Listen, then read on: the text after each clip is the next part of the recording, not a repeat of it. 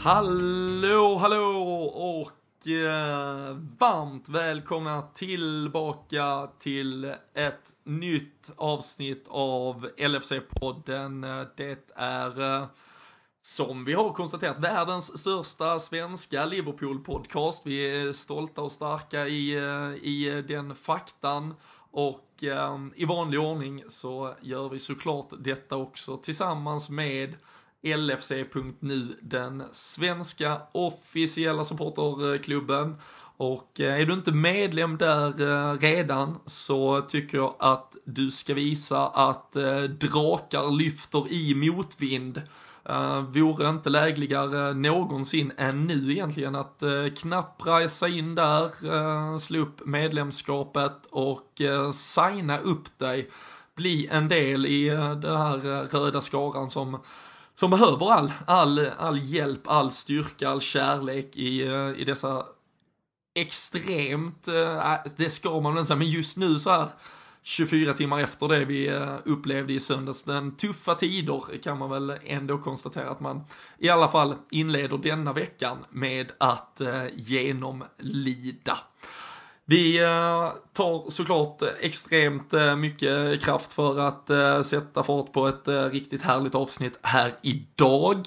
Och eh, dessutom om vi talar om att lyfta, eller att drakar som lyfter i motvind så har vi även dagen till ära här faktiskt eh, premiär för en av våra sponsorer, partners, som kommer hänga med oss hela vägen fram till åtminstone årsskiftet. Det kan eh, säkerligen bli mer därtill därefter också. Men eh, det är spelbloggare.se som vi vill ge en eh, stor jäkla shoutout till. En sida som ger dig allt du behöver inför matcher. Det finns spelexperter som lämnar sina bästa speltips inför matcher och det här vi pratar svensk fotboll, engelsk fotboll, all internationell fotboll egentligen. Och ni hittar eh, massa information om ni ska göra er egen hemläxa som eh, förväntade startelvor, detaljerad statistik och man kan dessutom jämföra odds så att man ser till att hitta bäst odds såklart om man nu ska våga tro att Liverpool till exempel vinner över Huddersfield till helgen. Så eh, in och kika på spelbloggare.se och um, håll även utkik, slå upp där ni lyssnar på detta Hitta också deras egen podcast, eh, Uppsnack med Jonas och Sladjan, som då är Jonas Dahlqvist och Sladjan Osmanagic, som då snackar upp eh, lite då större internationella matcher och pratar eh, odds och spel till dem. Så välkomna till spelbloggare.se helt enkelt. Och välkomna också till Daniel Forsell, Fredrik Eidefors, eh, Eh, en stark trio här är åtminstone återförenad. Eh, framförallt du Fredrik har eh, slitits med, med skadebekymmer.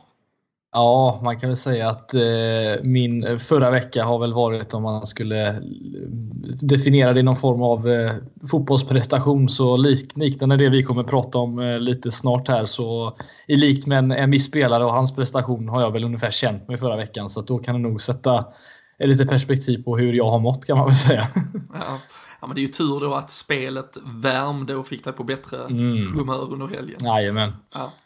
Daniel eh, Forsell också eh, tillbaks på saden. Eh, såklart en, en match som kunde få vilken optimist som helst att börja gråta och svära. Hur, hur mår vi om vi ställer fotbollen åt sidan så länge? Då är det väl bra än så länge. Något, eh, något tyngre att gå upp eh, den här måndagen än övriga måndagar tycker jag. Men eh, ställer vi fotbollen vid sidan, vilket är svårt att göra, så är det nog bra.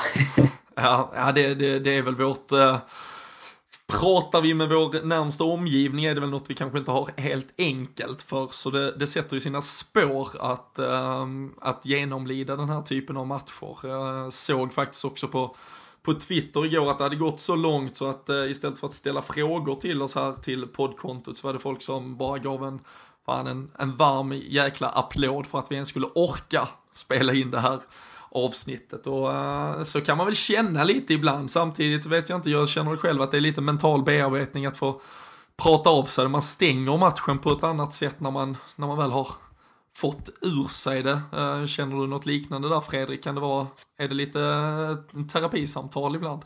Ja, men det är det. det är, och sen kan vi ju säga att det, det är inte första gången vi sitter här och, och, känner så här. Så att det är ju en känsla som, som man har känt sedan tidigare. Så att det är inte nytt. Så att det är väl lite det som gör att vi kan ta oss igenom en timme här varje, varje vecka och lite där till. Så att ja, något, något sånt ska vi gissa på. Ja. Nej, det, det är ju svårt. Så, alltså, vi är ju inne på femte året vi sitter här och poddar och det har ju varit en och annan tung, tung måndag, absolut. men, eh, men Daniel, om man sätter den, eh, den här då tunga måndagen i perspektiv, är det en av de absolut eh, tyngsta på, på senare år? Jag twittrade själv igår att jag, i halvtid tror jag det var, att jag inte tyckte jag hade sett något så eh, dåligt sen eh, Roy Hodgsons dagar. Så att eh, ja, det, det får man väl säga nästan. Det, nu gick jag inte igenom kanske precis alla matcher där, men det kändes fan så igår. Så att, nej, riktigt tung fotbollsdag igår var det. Ja. men det är ju någonstans, man måste ju såklart när man, när man, ska, när man, när man ska komma med ett sånt konstaterande, Eh, så, så, måste man ju någonstans väga in såklart liksom resultatet i sig, insatsen i sig, läget på säsongen, vad då ett sånt här resultat kan betyda. Um, vi har ju till exempel när, när vi släppte in sex mål mot Stoke, var ju liksom en sån här ja, men en genomklappning utan dess like, men betydde matchen något? Nej, det är inte riktigt. Um, och här, men här var det ju fortfarande så pass många parametrar och, och framförallt då också sättet vi förlorar den på, som ändå gör matchen till, ja men kanske, alltså, modernhistoriskt usel. Alltså man kommer, ju, man kommer ju minnas matchen mot Tottenham på Wembley när Dejan Lovren med flera ska sägas, gjorde vad de gjorde. Det, det tror jag även om tre, fyra år Fredrik att vi kommer kunna, ja men det var ju, det var ju den där matchen. Och det är ju ändå inte så många matcher där man kan liksom plocka ut allt det där som var så hemskt när man tittar tillbaka några månader senare. Nej, precis. Alltså, den här är ju väldigt färsk så den, det är lätt att man sitter här och, och har den liksom närmst så sett. Men jag, jag skulle nog säga att det är inte många matcher eh, under så lång tid som vi har hållit på med den här podden och sen man på, under modern tid, alltså vi pratar egentligen 2000, ja, 09, 10 liksom framåt under de åren, ändå rätt många år. Och det, det är ju Blackpool hemma i en sån eh, ordentlig botten som man har känt tidigare. Jag tyckte jag kände lika, liknande igår, sett att eh, det kändes eh, det var så himla uppgivet. Man kände sig nästan så... Ja, man hade ingenting att komma med på något sätt. Och det var ungefär samma känsla igår. Och det, det är inte en rolig känsla att ha som Liverpool-supporter men eh, vi tar av oss väl ur den här gruppen förr eller senare.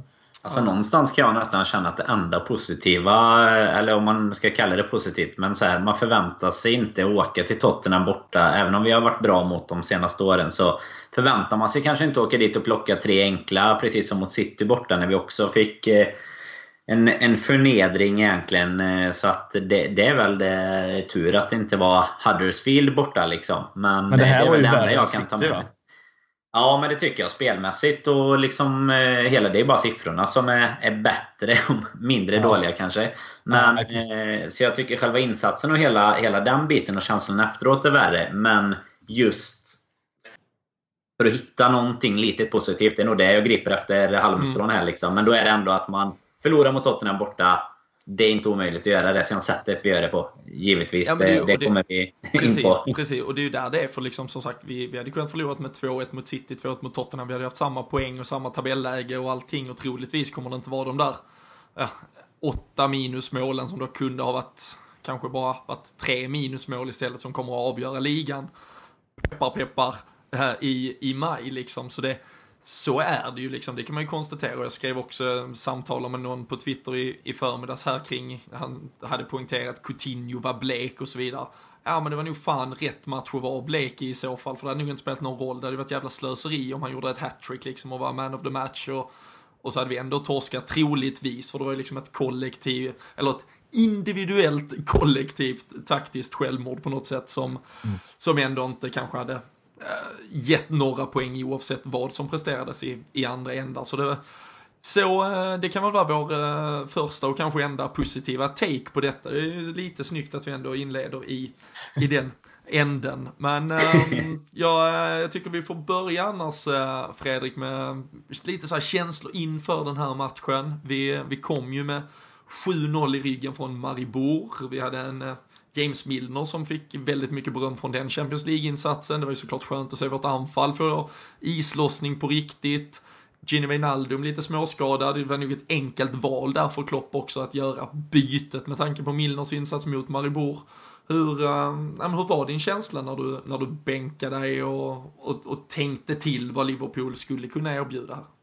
Eh, min, jag hade den här eh, känslan av att eh, inför en match så känslan var verkligen att nu kommer vi få se var Liverpool faktiskt står någonstans. Eh, inte att, alltså att vi kommer från en 7-0 vinst, den har jag nästan liksom glömt på något sätt för att jag tycker inte det har någonting med det här, den här saken att göra för det är så pass eh, dåligt lag vi ändå ställdes mot den här gången. Men inför den här matchen så var ändå känslan att det vi kommer få se idag är ungefär hur Liverpool eh, vart vi står och hur vi jämför oss med de andra lagen. För att vi har ju nu mött eh, Arsenal, vi har mött United, vi har mött City och vi har mött Tottenham. Eh, och Arsenal det är en, en, match som vi verkligen var outstanding i, men Arsenal var väldigt dåliga. Men de andra matcherna tycker vi, vi har sett den här sanningen att här står Liverpool här idag och det var lite det som jag kände inför att eh, det var att vi hade någon, något, något sånt att komma och det var Tyvärr hade jag rätt i det också för att jag kände att eh, det, det, ja, känslan var inte jättebra inför matchen skulle jag vilja säga. Nej. Jag, jag, skrev ju en krönika efter Maribor-matchen, eh, lyfte fram eh, James Milner och ville väl framförallt också förtydliga lite det här, ja, man har, det har diskuterats mycket fram och tillbaka, att jag ändå tycker att det finns en, oavsett vad då Maribor var för typ av motstånd, så tycker jag det finns, alltså vi har liksom en, ändå en grundläggande spetskompetens offensivt som, som kommer att få utdelning under säsongen. Men eh, avsluta också den där krönkan med att eh, trippen till Wembley blir beviset på vart vi är på väg. Kan målfabrikationen fortsätta och Harry Kane placeras i karantän, ja då har vi ett Liverpool som de flesta nog ska se upp med. Det tog tre minuter Danne så var, så var den karantänen inte mycket att uh, orda kring för eh, Harry Kanes del i alla fall. Nej, just de två påståendena gick väl inte riktigt eh, som du antagligen hoppades när, när du präntade ner den krönikan. Det, nej, han är ju ruggigt stark alltså. och Det har han ju inte alltid visat mot, mot storlag, men, eller topplag, men här här fick han väl tyvärr eh, lite sådär tappen i tunnan på just den biten och eh, nej det... Vi gjorde ju det inte så jättesvårt kanske de här gångerna heller. Det är väl det som, som grämer en liksom. Även om han är en väldigt eh, duktig fotbollsspelare, Harry Kane. Så eh, ja, man behöver inte bjuda man behöver inte bjuda en sån spelare på sådana lägen. Då, eh, då är det inte så jäkla svårt att vara, vara en av de bästa. Liksom.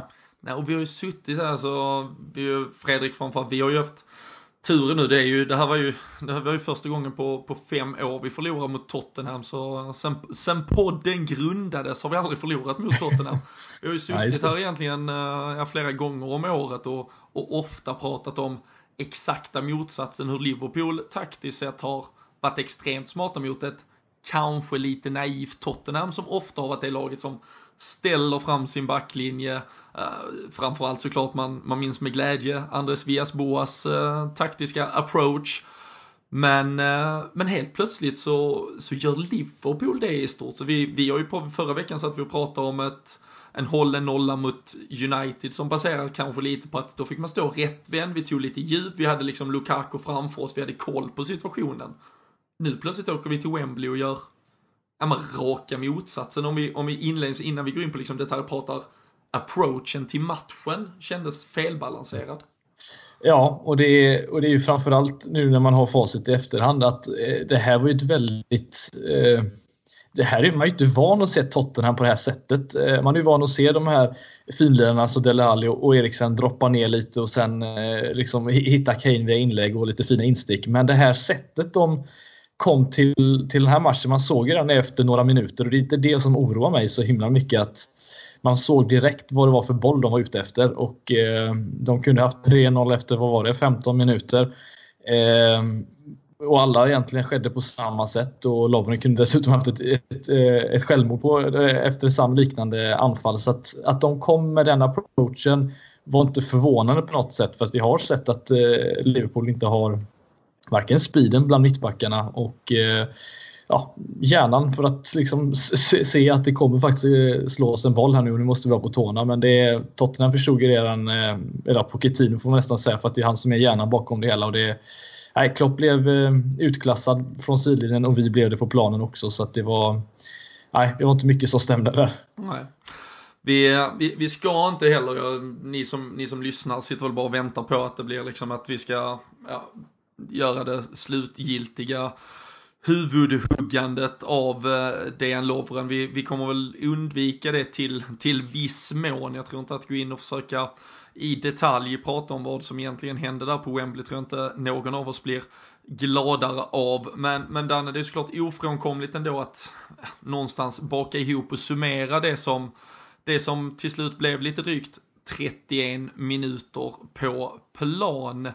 Um, som Fredrik var inne på, han, uh, är ju, han ligger ju närmst Kane på första målet. Han, han stöt nick bryter uh, alla Victor Lindelöf i, uh, på ett katastrofalt sätt som leder till 2-0 och är så när på väg att släppa igenom ett till och sen dessutom ett självmål. Är det faktiskt den kanske värsta individuella insats vi, vi någonsin har sett en Liverpool-spelare prestera? Ja, men som jag kan komma på i alla fall. Vi, eh, man, man tänker ju givetvis lite på om, om man kan ha sett något värre. Men man kan ha sett alltså, dåliga insatser. Men just så mycket misstag som leder till något skarpt också. Det vet jag fast inte om vi har varit med om innan. Och, och, nej, han var ju inte, han var ju inte där liksom. Han, eh, Nej, det, jag vet inte vad som kan ha hänt. Det har ju brustit totalt, eller brast totalt i den här matchen i alla fall. Det vi, som du säger, vi har ju varit inne på det många gånger innan och det är inte bara vi eh, som har varit där direkt gällande Dejan Lovren. Men det, ja, jag, jag får nog ranka det som det som jag kommer ihåg i alla fall till att vara den värsta insatsen. Och det är väl ett kvitto på det när liksom det börjar bytas efter en halvtimme. Då, då vet man att man har gjort lite, haft lite tufft då om man säger så. Ja. Men problemet är också att eh, kollar man på de eh, anfallen, de målen som, som blir så, så är det ju ganska, kändes det ganska uppenbart redan direkt att, att Tottenham har en plan att det är på vår vänsterbacksposition egentligen, eh, eller vänster mittbacksposition. Det är där de ska eh, hitta och alla anfall gick ju nästan därifrån det hållet. Över Lovren, förbi honom, eh, både högt och lågt egentligen. Och det, så tanken var väl egentligen att, att utsätta honom för så mycket problem som möjligt och det lyckades ju de göra ganska bra. Ja, och det, och det, är, också, det är också så jävla det han lovar att liksom, det första misstaget, det, det är dåligt, det är slarvigt, det finns också lite offside-linje man kan diskutera och så vidare. Men mm det är också så jävla Dejan Lovren att det bara tar 10 minuter sen så försöker han sig på en chansbrytning på halva när han känner att han inte riktigt är inne i matchen. Och det tycker, ja. jag, det tycker jag är så jävla mentalt svagt att, ja, men att vara beredd att offra det mot laget. Att han liksom ska typ själv in i, att han ska spela sig själv in i matchen. Genom mm. att göra något så, som är så taktiskt ogenomtänkt bara för att bevisa någonting. Och någonstans tycker jag fan att det är så jävla rätt åt honom. Helt fast att alltså det är jobbigt och han är en Liverpool-spelare och jag, jag vill inte se det ske. Men någonstans tycker jag att, ja men det är helt, gör du en så jävla dum grej, då ska du straffas på denna nivån. Och det som händer efter 31 minuter, att han blir utbytt, ja men det är ju fan också rätt. För det här, du har spelat på lånad tid redan tillräckligt länge. Ja, men, ja nej, det är... Ja. Ja, säg du vad du tänkte säga Fredrik. Nej, nej, men jag... jag man, det var, ju, det var inte många man läste liksom inför när han kom till Liverpool.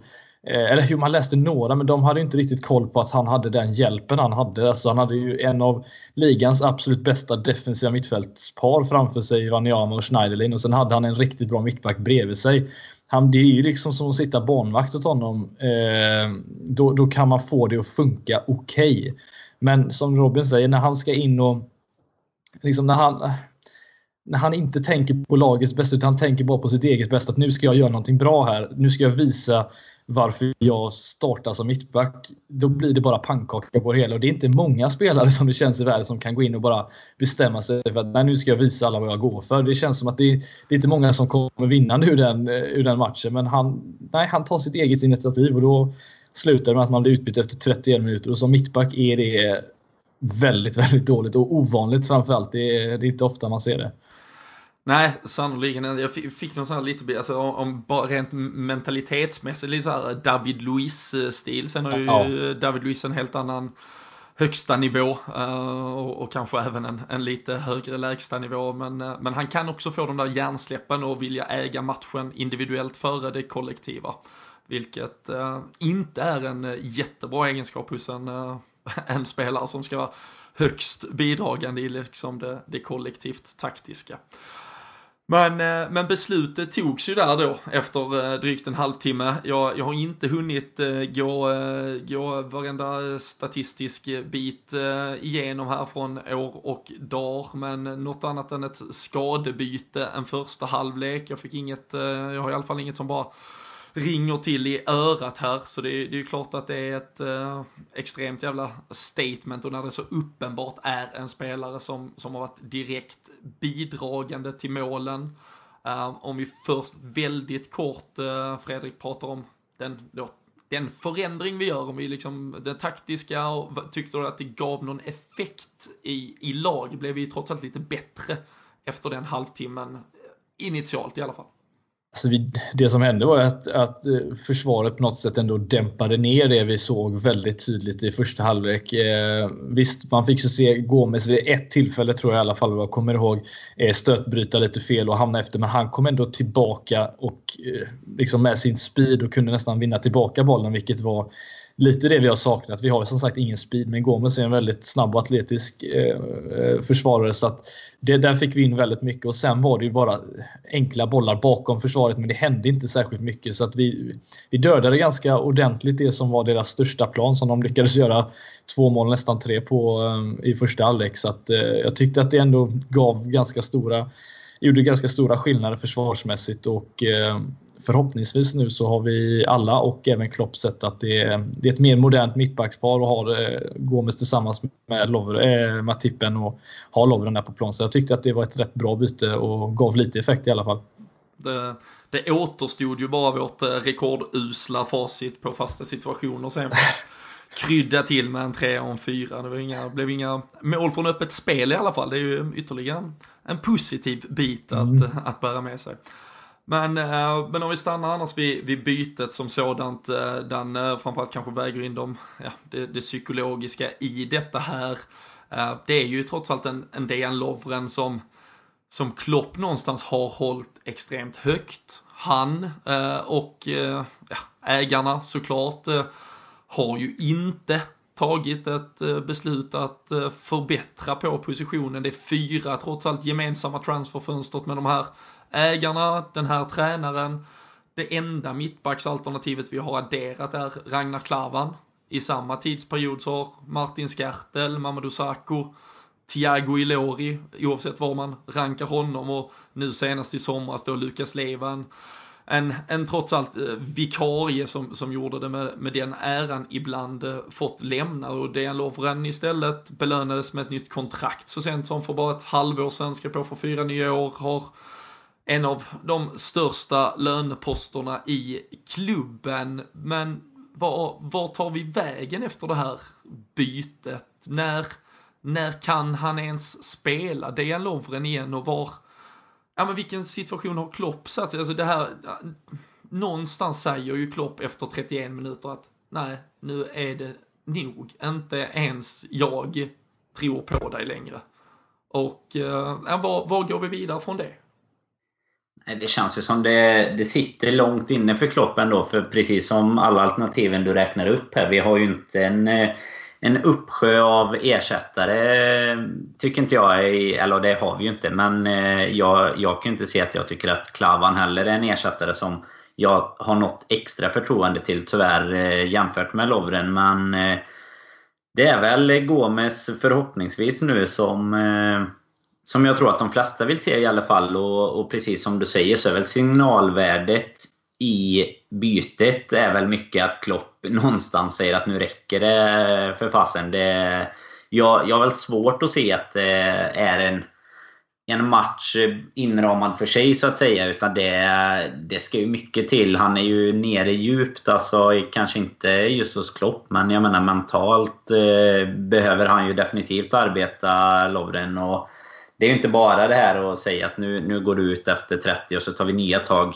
nästa helg. Liksom, utan jag tror att han har en, en bra bit att jobba sig upp både i förtroende hos Klopp men också i, eh, alltså för att själv kunna prestera. För jag menar en liknande insats och han kan ju Ja, då kan han ju vara, vara riktigt eh, borta om man säger som han skulle... Eh, det, det är ju Klopp till åtlöje med om han skulle spela honom och han gör någonting liknande mot Huddersfield om man tar det som exempel då. Så att mm. jag tror väl att vi får se något annat där och att det kanske dröjer lite innan, innan Lovren... Eller jag tycker rättare sagt att det borde dröja lite men jag är fan inte så säker eh, som jag känner mig att jag, att jag borde få vara. på att men, han, eh, ska, men, att det ska dröja lite. Men hur tror ni det? Tror du, Fredrik, den kan du få, sen kan du få följa upp mer sen, men tror, tror du att Klopp, när han gör det bytet efter en halvtid, tror du han, hinner han tänka de här tankarna att för, för, han har ju aldrig gjort det här bytet förut. Det har kanske heller aldrig såklart varit så här extremt, men, men nu väljer han ändå att göra det. Tror du att tankarna har hunnit gå att gör jag detta så kan jag nog inte spela honom. Vi har tre matcher nu, vi har Huddersfield, Maribor och sen West Ham borta innan det är ett nytt lite kortare landslagsuppehåll på grund av det här playoff-spelet där då Sverige och Kroatien med Dejan Lovren faktiskt ska in i. Um, och jag, jag, tror ju det är, jag känner att det spontant är helt omöjligt för DN Lovren att spela de här tre matcherna i alla fall. Tror du Klopp liksom hinner, hinner han tänka de tankarna när han gör det bytet? Förstår han hur ja, men vilket statement det är när han tar ut honom. Alltså jag tror han får se, jag tror också att han gör det, att han ser helheten. Alltså, nu, han ser hur långt efter vi, vi har hamnat. Eh, att, jag hoppas inte att han ser oss som titel. Eh, kandidater eh, utan att han ser att den här fjärdeplatsen är egentligen absolut viktigast att nå. Och jag, jag tror han börjar känna nu sett till att vi har släppt in extremt mycket mål. Jag tror vi till och med ligger på en minus eh, mål, målskillnad nu, vilket är helt patetiskt att göra efter så många matcher spelade för att vara Liverpool dessutom. Ehm, jag tror han, han, har tänkt säkert tanken länge och jag tror att de här tre matcherna, och det är det jag tänkte komma in i där också, att han vill nog ha tecken på att detta är ett bra val av honom nu att göra dessutom. För att det här är visserligen tre kanske på pappret då lite enklare matcher för Gomes att, att spela sig in i. Men samtidigt är även de matcherna vi sett, sätts på prov av de här lite jobbiga anfallarna som, som dyker upp på alla ställen som inte de bör dyka upp på. Jag tror att Klopp lite har tänkt den här tanken att detta nästan var det var ena dags nu att det skulle ske. Så att, eh, eh, men att han har lyckats hålla detta så länge, Lovren, det, det, det, vet jag inte riktigt hur det är möjligt. För att det här bytet skulle ha skett för ett år sedan, om inte, ja, i alla fall i början av säsongen. Mm det är ju också det, det som du nämner, vi har minus två i målskillnad. Um, det är historiskt usel säsongsinledning defensivt sett. Uh, senast vi efter nio ligamatcher hade släppt in 16 eller då fler mål, fler än vad vi har gjort nu helt enkelt. Det var alltså 1964-65. Så eh, 53 år sedan eh, är det väl när man tar den sådär på uppstuds. Det är ju, det är ju såklart helt, uh, ja, det, det blir ju utan att man då tar till överord så är det ju historiskt uselt. Uh, oavsett om man då bakar in fyra i gårdagen, fem mot City, det är ju ett, en kollektiv försvarskollaps på, på många sätt och vis. Um, jag tyckte också en ganska ja, men intressant aspekt i det, för man pratade om mm, Dejan Lovren såklart som ett individuellt eh, fel i detta.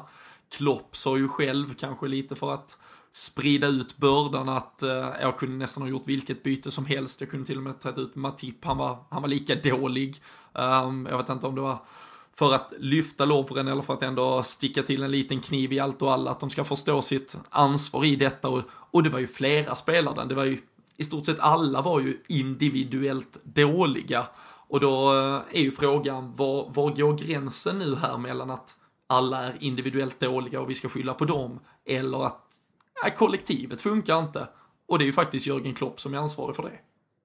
Ja, men så är det ju. Det är ju svårt att säga att, eh, att laget funkar, men alla var, alla var kass och därför funkade det inte. Utan det, det blir väl ganska speciellt kan jag tycka just igår när det, jag tycker väl egentligen nästan att alla, alla mål är individuella misstag. Även om eh, om det som kommer precis innan halvtid är, är mer slarv och lite lathet i, i hemåtjobb och sådär. Men det, alltså någonstans är det ju så att det, i de här matcherna så har det ju inte funkat i hela laget om man säger så. Det, det spelar nästan ingen roll om eh, det är Lovren eller om det är Matip. Eller det, nu är det ju Lovren som ofta har oturen att, eh, att bli den som gör de här matchavgörande. Eller Mignolet som också gör ett ganska grovt eh, misstag tycker jag. Men eh, nej, det, det är som du säger. Alltså, det är ju snarare ett kollektivt misstag som Klopp får, får ta tycker jag. Och här är det ju egentligen det som Eidefors var inne på innan. Att vi blir rätt utklassade taktiskt. Så att eh, inte nog med att spelarna gör dåliga insatser så tycker jag att vi, vi liksom blir utmanövrerade på eh, på schackbanan med som Mourinho skulle eh, lutat emot. Så att eh, det är liksom inte bara... Jag tycker inte bara man kan säga att det är individuella misstag. Utan eh, det, det, har varit så i en hel del matcher tycker jag när vi har tappat. Och, och då någonstans så är det klart att det är Klopp som bär yttersta ansvaret i mina ögon i alla fall. Mm. Men alltså, om, om vi, det är nästan så att vi i podden behöver åka dit tror jag. Alltså kolla på träningsanläggningen. För jag tror fan om inte det är mycket tid som... Eller, antingen läggs det jättemycket tid med, på träning eller på försvar bara att de som lär ut är fruktansvärt inkompetenta på det de gör. Eller så läggs det ingen tid överhuvudtaget. För att det finns inte en... Det måste finnas en... Liksom, det kan inte vara slumpen bara att det ser ut så här. Och vi har ju pratat om tidigare, men vad tog det? Du har läst någonstans att det tog Spurs eh, 90 skott för att göra tre mål på Wembley nu den här säsongen. Och de gjorde tre. 14 igår mot.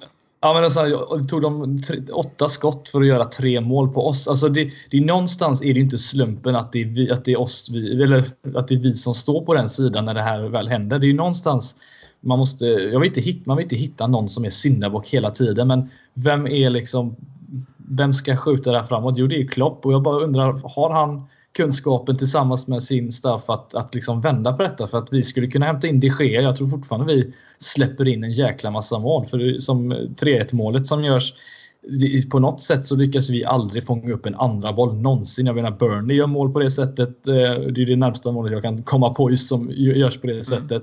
Att vi aldrig lyckas. Alltså alla står på hälarna och vem är vem ska lösa det här liksom? Jag vet inte, ni har, kanske inte har svaren på det men jag blir bara så frustrerad när man ser samma problem hela tiden och det känns inte som att den som leder oss framåt har kunskapen eller möjligheten att liksom bara ändra detta bara sådär. För det har gått så lång tid nu och det, det ser inte bättre ut än när Rogers försvarade med oss. Och det, jag vet inte vem som skulle kunna göra det bättre heller. Nej, ja, men det du är inne på där, det är ju ändå rätt intressant tycker jag. För att det är ju inte ett undantag den här matchen att man tycker liksom att om nu försöker vi hitta Lovren som individualist och som, som gör en katastrofal match. Utan detta har ju pågått under en så lång tid att det går ju inte att beskylla folk för individuella misstag längre. Och gör man det så är det ju, kommer vi tillbaks till det här med att han har haft så många transferfönster på sig. Eller både Klopp och ägarna då på att lösa det. Så att jag menar, är det individuella misstag då är det ju deras eh, tjänstefel att låta de här spelarna fortsätta spela i Liverpool om det är ett problem som pågår i ja, fast jag vet inte hur många år det är nu. Det är precis som du säger, det första är ju Rodgers också. Så att det är ju liksom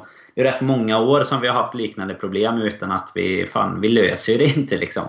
Nej, och det, alltså, det, och det blir ju någonstans, alltså, och jag, det är ju så här, Klopp, det, det har vi varit inne på många gånger här, att han, han, har, han har köpt sig lite extra liksom, tid genom att vara den han är och jag tror att vi som supportrar, många har varit mer förlåtande, mer liksom haft en känsla och jag, där finns fortfarande någon liten så här grundbult i mig som säger att han, han också framgent ska, ska kunna vara mannen som, som ger oss någon, eh, någon framgång. Men, men det blir lite över det. Jag läste ju någon som hade kommenterat där på LFC.nu, man kan ju kommentera nyheter till exempel, och någon som hade kommenterat, ja men jag har fortfarande full tro på Klopp, men jag tycker laguttagningarna är helt fel. Och då, då är det ju lite, det blir ju liksom, Ja, men om laguttagningarna är fel, om vi har fel spel, det är ju trots allt hans ansvar till syvende och sist.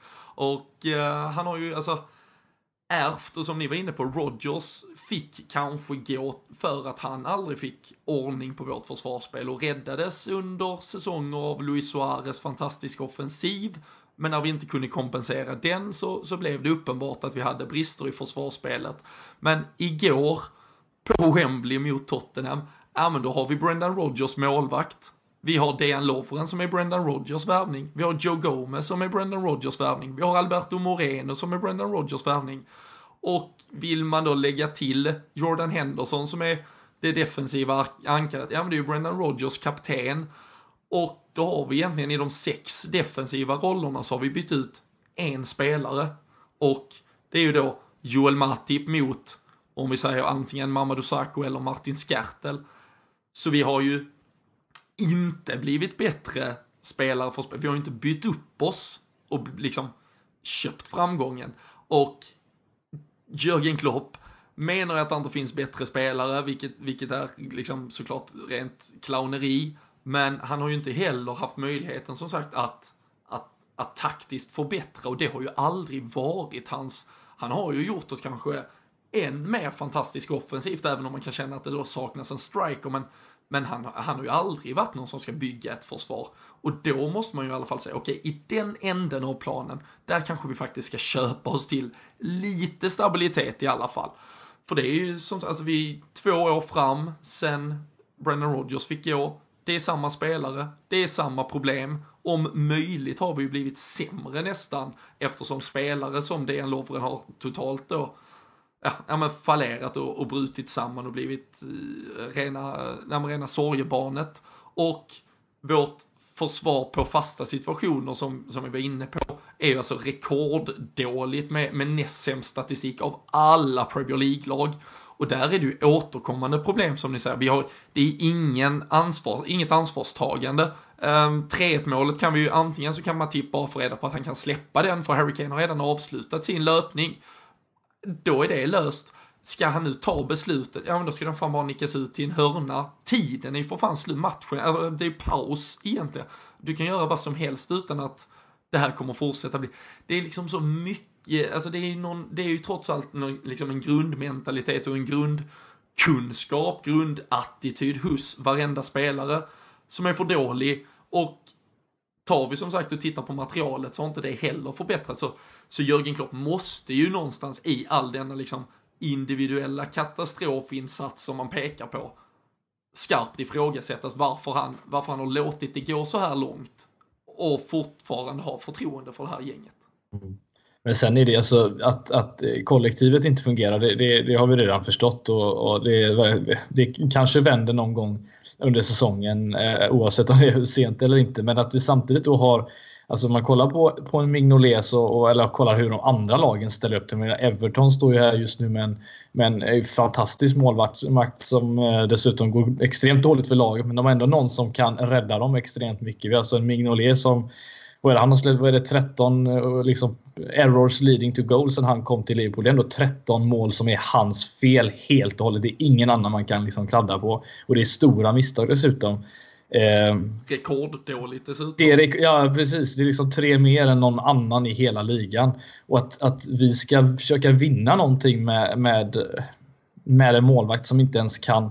Jag vet inte ens vad hans eh, räddningsprocent är, men alltså det kan inte vara den kan inte vara särskilt hög. Jag menar, det är många matcher. Jag, jag, kan ni komma på till exempel något senast vi släppte in ett så riktigt drömmål där man känner så här, okej, okay, fuck it, vi kan inte göra så mycket åt det. Jag kan inte komma på liksom inte, senaste... Inte där drömmålet har varit avgörande. Vi hade väl, City Nej. gjorde väl några med Sané i slutet och sådär liksom som är ja. sån smack boom bang liksom. Men det är inte så att vi förlorar med 1-0 i... Men det, nej.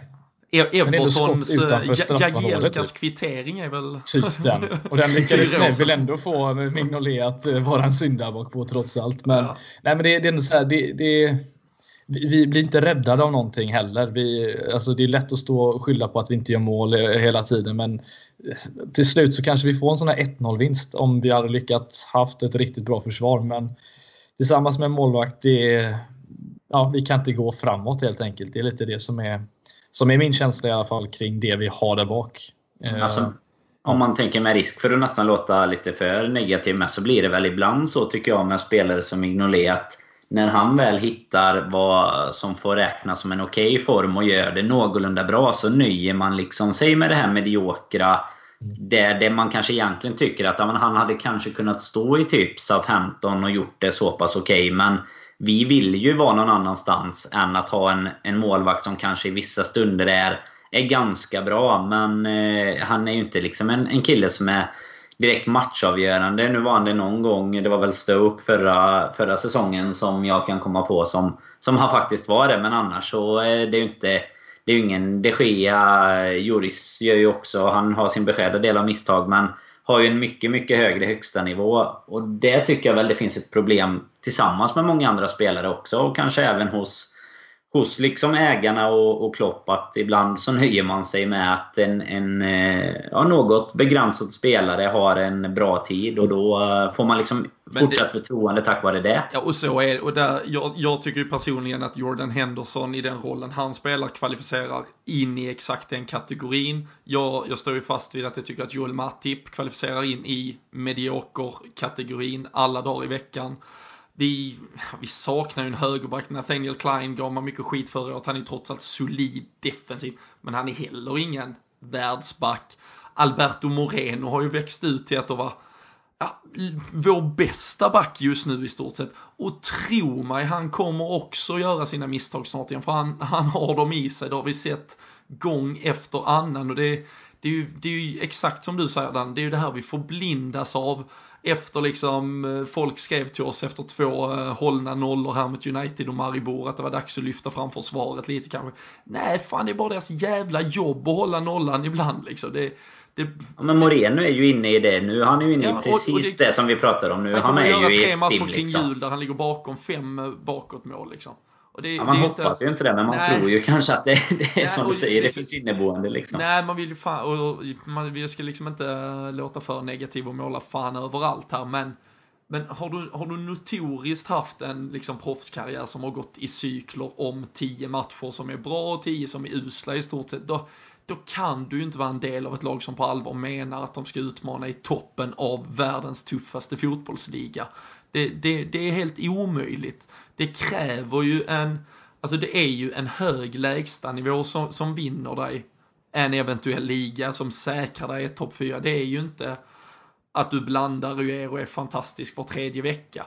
Och, det, och där någonstans tycker man ju att någon borde varit mer nykter i liksom eh, transferplaneringen både denna sommaren, förra sommaren i alla de här fyra fönsterna som Jörgen Klopp och Fenway Sports Group har haft tillsammans och där man borde ha sagt att, ja men fan, bara för att han var bra de senaste tre veckorna här nu, som det har varit vissa gånger. Vi har haft Mignolet är ju en sån Fredrik som vi har snackat så himla många gånger om där det har varit liksom, ja men vi borde nog peta honom, vi borde nog sälja honom, vi borde plocka in.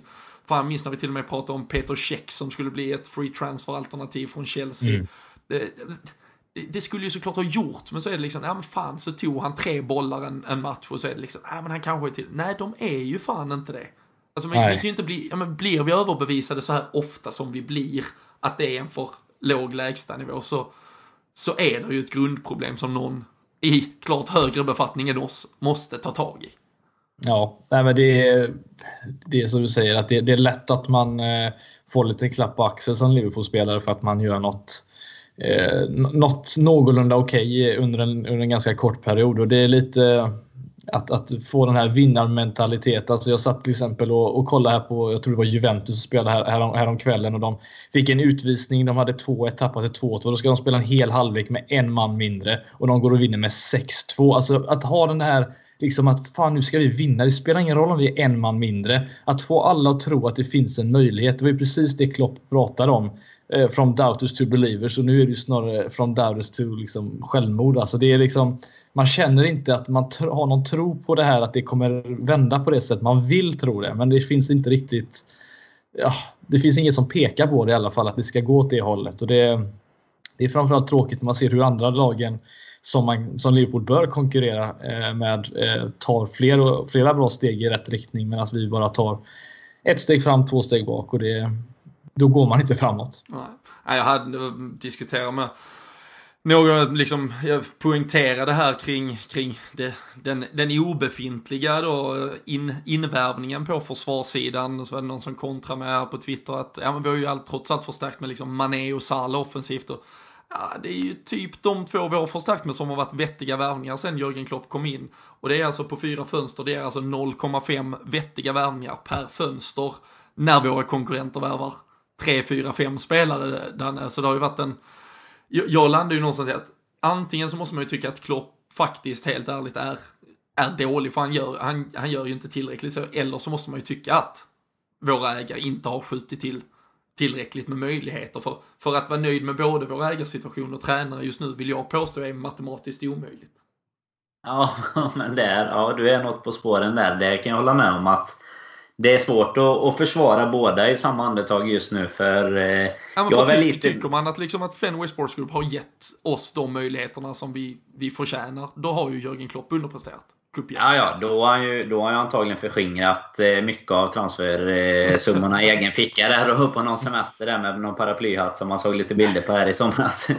Men, nej, men så är det ju. Och jag, jag är väl... Eh, jag är ju precis som en sån person som du var inne på innan. Jag har ju en så här man har ju en, en eh, förkärlek till Klopp lite på grund av vad han gjorde innan. Att det här offensiva, man gillar ju det fröjdiga. Det ser ju för jävla gott ut när vi spelar som vi gör var tredje, fjärde vecka liksom. Och, och gör det riktigt bra. Och man hoppas ju att, eh, att det inte är han som som gör felen om man säger så. Men samtidigt så känner jag någonstans att han är den typen av tränare och kommer ändå med den digniteten att jag tror inte han hade liksom accepterat att aldrig få välja, eller vad man ska säga. Vilket också gör att jag tror att felet ligger lite hos honom. I och med att jag, det känns ändå...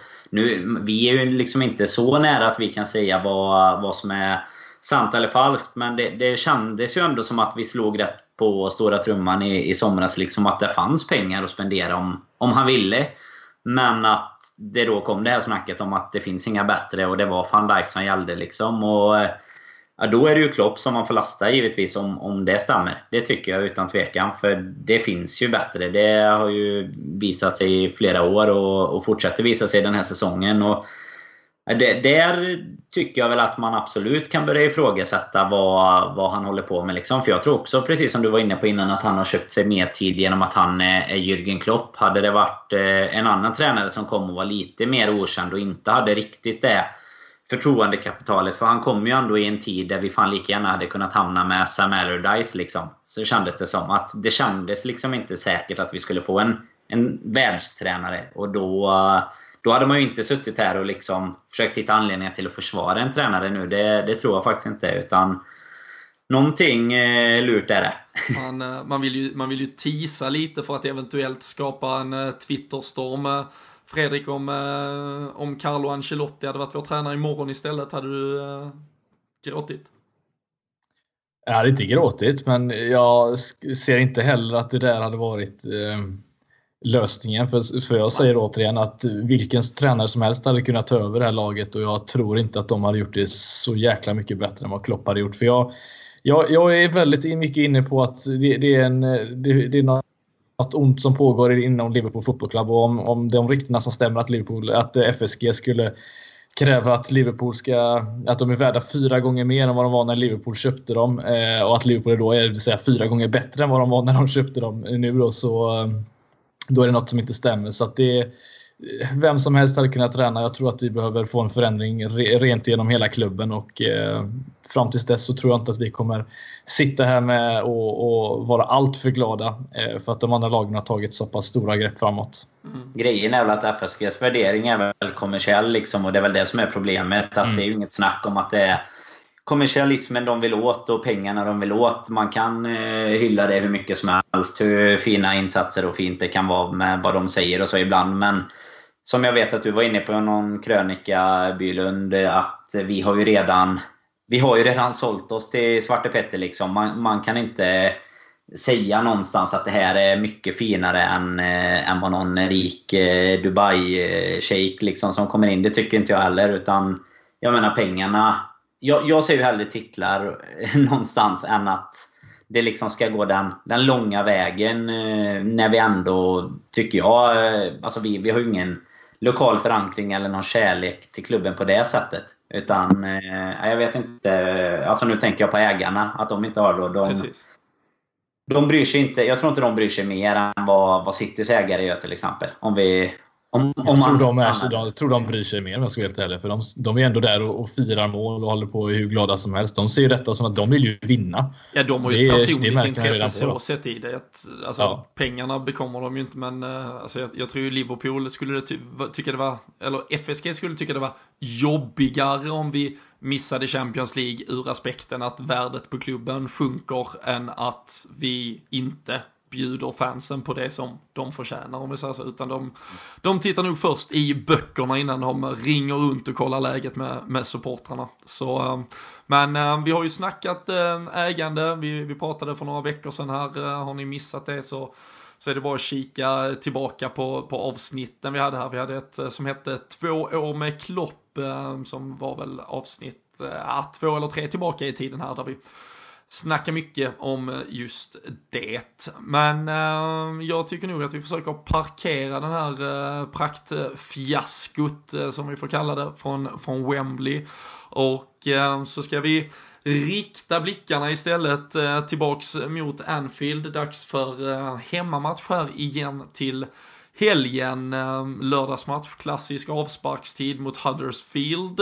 Eh, ett lag med eh, ja, om vi ska kalla det Liverpool-anknytning. Visserligen hade vi såklart Danny Ward utlånad där förra säsongen, högst bidragande att, eh, till att Huddersfield är i Premier League överhuvudtaget. Och sen då, som, som säkert många känner till, så finns det ju en liten förhistoria med eh, deras coach eh, David Wagner och eh, Jürgen Klopp som är goda vänner sedan flera år tillbaka här. Så och nu slog de ju dessutom United, kommer med Eh, pinfärskt eh, självförtroende så det är ju verkligen ehm, eh, mot, motpoler rent psykologiskt som möts. Eh, hur, hur känner vi inför en sån här match Fredrik? Är det, jag vet en match som man bara ska vinna? Är det vad vi behöver i det här psykologiska läget? Ja, vi behöver en, en, en viktig, alltså en mentalt viktig match och vinst skulle jag säga. Inte bara Alltså det är lätt att, att en, en 4-0 vinst skulle kännas som att alla, allting är tillbaka. Men jag tror det skulle varit skönt om vi hade kunnat få jobba in en seger. Eh, typ vända ett 1-0 läge till ett 4-1. Alltså få liksom visa att det finns någon, någon liksom vilja i laget. Eh, något sånt skulle jag vilja se och jag tror att Klopp nu även känner att det börjar ticka på här med, med de andra lagen som jobbar på att vi tappar poäng och har väldigt svårt för att vinna. Så att, eh, jag tror att det är en sån match vi har att vänta oss. Alltså en eh, väldigt tuff sådan. Men eh, jag tror att Klopp är fullt medveten om att det här är en chans nu att eh, vara tillbaka på hemmaplan och eh, ta tre poäng igen. Mm. Hur, eh, vi, vi berörde ju ämnet, eh, den i förhållande till framförallt backlinjen där det då kommer troligtvis krävas eh, förändringar. Eh, blir det då en, en Lovren som går ut, en Gomes som går in så bör vi väl räkna med en Trent Alexander-Arnold som går in som högerback. Eh, det var kanske inte det mest lyckade att spela Emre Can där lite temporärt nu i söndags. Tror du vi får se, tror du dels vi får se den förändringen och vad tror du annars Klopp väljer att förändra?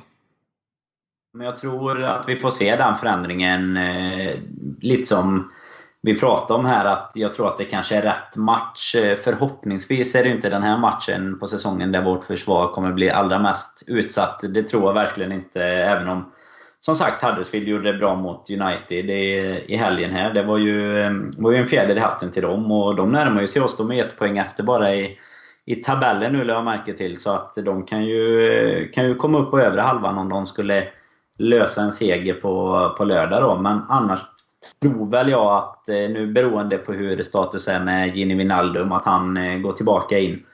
Eh, istället för Milner egentligen och att Chan och Henderson spelar och sen eh, Coutinho, Firmino och Salah där fram då. Mm. Om inte det händer något mirakulöst med Mané som gör att han kan... Jag menar, ibland kanske en spelare med ett, ett friskt ben är bättre Ja, än vissa andra. Ja, han lär ju springa bättre än vad Starwich gör i alla fall. Är ju. Han är nog snabbare med kryckorna om jag ska vara helt ärlig. Det, så är känslan. Nej, men det, de, det tror jag väl. Det, vi får se också att Wijnaldum, om han eh, är fit for fight, att han kommer vara, han kommer vara tillbaka. Eh, och sen tror jag väl att vi får se en helt annan matchbild om man ser det så. Vi, vi kommer väl förväntas driva matchen eh, och styra upp i i ett sånt här läge, Huddersfield lär väl på förhand vara ganska nöjda med ett poäng. Om man tänker så. Får vi nog eh, utgå ifrån. Vi kan ju, på, eh, på, på ämnet ett ben kan man ju värt att lyfta fram eh, Ali Jawads tweet från, från gårdagen också. är ju olympisk silvermedaljör i tyngdlyftning. konstaterade på Twitter att till och med jag hade försvarat bättre Men då var det ju alltså i Paralympics eftersom Ali Jawad saknar ben. Så, eh, äh, det, ja, det är eh, ett, eh, ett litet kort sidospår på, på, på det vi då skulle försöka glömma. Jag skulle väl påstå att jag är av åsikten, men kanske då inte att Klopp är det, det, det vågar jag ju inte gå, gå i god för, men jag hade gärna mot Huddersfield hemma slängt ut Jordan Henderson också och spelat Emre Can, Gino Wijnaldum, Filip Coutinho på mittfältet och gett Oxlade Chamberlain en eh, chans från start offensivt. Mm. Eh. Han har sett bra ut de senaste gångerna när han kommit in. Han har visat det han är bra på i alla fall. Han visar fan att han har Sin två speed ben fall. och styrka. Ja. Nej, men speeden och styrkan. Eh, problemet är att han kommer till inläggslägen och att vi inte har just någon som står där inne och, och nickar in de bollarna eller liksom kämpar för att få tån på bollen. Det är väl lite det som är problemet. Men han har, tycker han har visat Eh, visst, det är inhopp. Det är inte starter och har inte visat det i 90 minuter. Men ändå, han har kommit in och visat något och det är lite det. Det är väl ändå kravet man har för någon som kommer in och det är, det är ändå lite glädjande att se eh, i dessa stunder att det är någon som faktiskt vill någonting här och det, det får man faktiskt ge honom. Hur eh, tycker du eller tror du, vad känner du?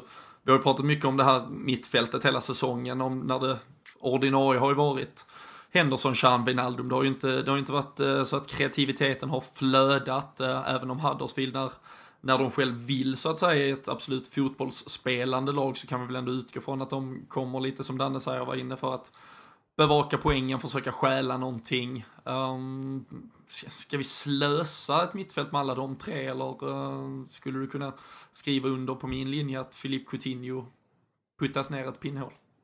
Eh, absolut. Ja, Henderson stod ju för en väldigt fin assist visserligen, men eh, att, att vi kommer, de kommer ju sitta ner eh, Huddersfield och vi kommer ha jättemycket boll och det kommer bli sådär Eh, nedskruvat tempo. Vi kommer få se en Coutinho kladda mycket bollen för att han har för mycket tid att tänka. För att det är, det är inte mycket löpningar. Det är väldigt kompakt. Jag, jag, ser det redan framför mig. Vi kanske lyckas eh, lycka upp det på något sätt men det kommer bli väldigt tajt och Henderson är för mycket sidledsspelare när det kommer till den typen av matchbild. Så jag hade jättegärna sett Emre Can som har en, en bättre passningsfot, skulle jag säga i alla fall. Har mer tryck i passningarna framförallt. allt Ehm, det hade varit kul att se om Klopp vågar på sånt, men det är frågan om man gör det efter att ha gjort det ett ganska vågat byte redan här nu i, i eh, senast mot Tottenham. Men eh, det hade varit skönt att se Klopp bara liksom ja, röra om lite för att se om det faktiskt ger någon effekt i alla fall. Mm. Den, eh, när du, jag, jag, förstår ju att du, du nog tänker hur, hur, hur Klopp eh, lär göra. Ehm, kan du också känna att vi ändå faktiskt skulle behöva som lag få den här sparken i röven och att det, det faktiskt görs både två och tre byten kanske? Ja men absolut. Delvis också för att visa lite eh, att, att det behöver hända något. Och jag menar de som sitter på bänken ska väl ändå vara vara någorlunda nära liksom att få gå in och är det någon gång man ska få göra det så är det väl när de, när de andra inte levererar tycker jag. Och då, eh, alltså, annars eh, annars är vi ju, har vi ett större problem än så tycker jag om man får bara gång på gång får, får starta. Typ Lovren som vi pratar om nu då. Om, man bara, om han får gå in och starta igen efter att ha blivit utbytt efter en halvtimme då är det ju fundamentalt fel att vi inte bara har tagit in någon som som är lite, lite bättre än vad till exempel Ragnar Klavan är. Nu kanske det är han som spelar, så då, då får jag ju bita i det äpplet. Men, ja. men liksom, ja, ni, ni förstår vad jag är inne på. Att det finns ingen konkurrens ens till att peta en kille som har sin sämsta match någonsin. Då, då är det ju liksom något fel i, i klubben, absolut.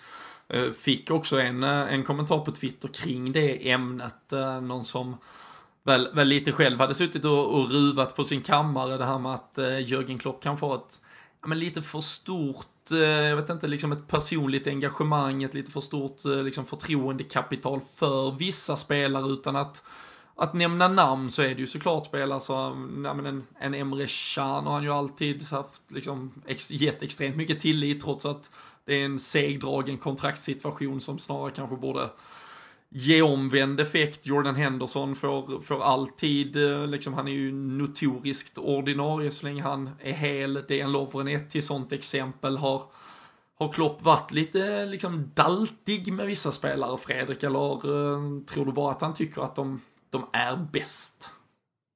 Eh, alltså jag, jag, tror att sett till hur han vill att, det, att hans lag ska spela så tror jag ändå att han, han, han, tycker väl på något sätt att, att de spelarna gör det bäst eller att han hoppas att de ska göra det och att han ser någon potential i det hela. Det är väl det enda jag kan gissa varför att en, en Lovre får spela för att eh, vi vet att han inte är den bästa mittbacken men att det, det är någonting i honom som gör att Klopp känner att det, det, kan ge honom någon positiv effekt. Och det, visst, i vissa matcher har det gjort det. Eh, väldigt sällan, men det, det, har gjort det. Och det är väl lite där kommer vi tillbaka till det här att du kan göra det någon gång och sen kan du komma undan med det. Och det är väl lite så det har pågått då med, med de spelarna som han håller så nära hjärtat. Och det, det är lite farligt för att eh, det är risk att eh, det finns spelare som blir trötta på att inte får spela och så är det kanske det rätt spelare egentligen att spela och så ja, står man där med griniga spelare och så går man inte framåt återigen. Och jag tror att det har varit Klopp, ett stort problem för Klopp för att han verkar ge väldigt mycket eh, ska man säga, förtroende för spelare som inte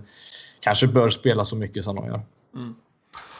Värt att notera också eh, första gången på, på evigheter som laget har en vecka tillsammans på, på Melwood. Det ska ju gärna kunna ge sin effekt också så om eh, Klopp har satt någonstans eh, tankeverksamheten kring vilket lag han skulle vilja se på lördag så har han ju verkligen fem dagar nu här till att spela ihop det så det mm, känns som att där, där är ju inte rum för mycket ursäkter i alla fall på lördag och eh, jag tycker att i alla fall publiken som, som kommer till Anfield ska kunna förvänta och kräva en, eh, en reaktion, en insats, ett, ett lag som eh, vill leverera och prestera. För det, det, det är liksom läge att eh, bjuda tillbaka och bevisa vad vi, vad vi går för. Och det är som sagt det är Huddersfield, sen har vi då Maribor hemma och sen har vi West Ham bortaplan i Premier League igen då innan landslagsuppehållet och det känns ju spontant, även, jag, jag tror att insatsen är det kanske viktigaste. Just mot Huddersfield så, så ska ju såklart då en bra insats också leverera ett resultat. Men vi måste ju se två Premier League-segrar här mot Huddersfield och West Ham för att det inte ska kännas blytungt när vi går in i det där landslagsuppehållet. Så um, nej, matcherna är sannoliken av monstruös vikt och eh, ni ska ju alldeles för strax här också få dela med er av era experttips, vad ni, vad ni tror vi kan komma att få se. Men jag tänkte faktiskt först också vi nämnde våra vänner på spelbloggare.se inledningsvis. Vi kommer faktiskt också denna veckan att lansera en eh, jäkligt häftig grej tillsammans med eh, Sverigemotiv.se. Det är ju en, eh, en sajt som säljer eh, posters, eh, de säljer eh, brickor, de säljer egentligen saker i, med, med tryck på kan man väl kortfattat säga, men framförallt så har de gjort till sin nisch att uh, göra då posters med arenor, så det finns uh, Anfield såklart att köpa, även ditt uh, säkerligen svenska lags favorit, uh, eller ditt svenska favoritlags arena och så vidare. Och nu har vi faktiskt fått chansen här tillsammans med Sverige Motiv att ta fram en helt exklusiv poster. Ni kommer att få se teasers om denna i veckan. Den kommer att vara såklart Liverpool-förankrad koppling till något, eh, ska vi kalla det, lagom nutida historiskt signifikativt för eh, vår klubb. Så kan ni ju försöka dra lite eh, idéer och gissningar kring vad det kan vara. Men som sagt, tillsammans med Sverigemotiv.se så kommer vi att på fredag, nu här den 27 oktober klockan 10.00 att lansera en eh, poster som bör hänga i varje Liverpool-hem. Det är 50 till 70 eh, assnyggt eh, ramar man in den och så har man eh, kanske årets eh, julklapp eh, både till sig själv och någon vän och eh, kanske till, eh, jag vet inte, sätta upp på jobbet för att eh, rub it in i om man har någon eh, större supporter till annat lag. Men som sagt, håll utkik i vårt Twitterflöde under veckan och sen sverigemotiv.se på fredag klockan 10 så, så släpps den här helt exklusiva tavlan. Ehm, jag vet att Fredrik och Danne, ni har sett den. Kommer ni sitta och, och hugga på fredag när den släpps? Jag kommer sitta och trycka vad är det, FM, FM, FM hela tiden. Eh, den här refresh-knappen så att man eh, liksom hamnar först i kön så att man kan få en i alla fall. Det, det kan du vara på säkra sidan eh, säga. Ja, det är grymt. Och eh, som sagt, vi är exklusivt tillsammans med podden som denna är framtagen då, kommer finnas i ett eh, begränsat antal nu inledningsvis, men eh, se till att eh, säkra ett eh, exemplar när den släpps eh, på fredag klockan 10 alltså. Men eh, Liverpool Huddersfield är alltså det som eh, kommer att vara kulmen denna veckan. Eh, Anfield 16.00 Danne, du eh, jag har väl varit lite kall på eh, tipsfronten eh, utan, att, eh, utan att jag har granskat allt du har levererat. men tidigare hyllad, så det är väl dags för revansch känns det som.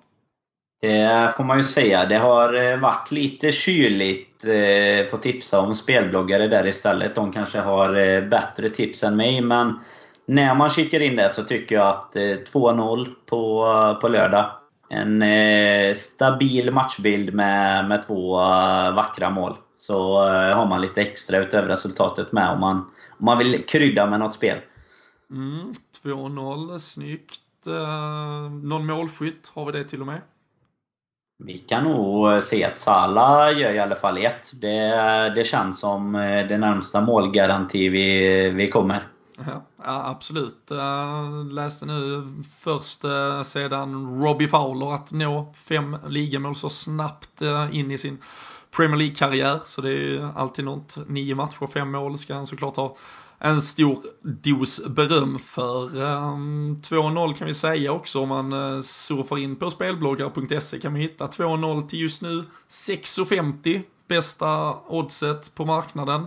Eh, men som sagt, in och kika där så kan ni klicka er fram till eh, den eh, det bolag som erbjuder bäst pröjs.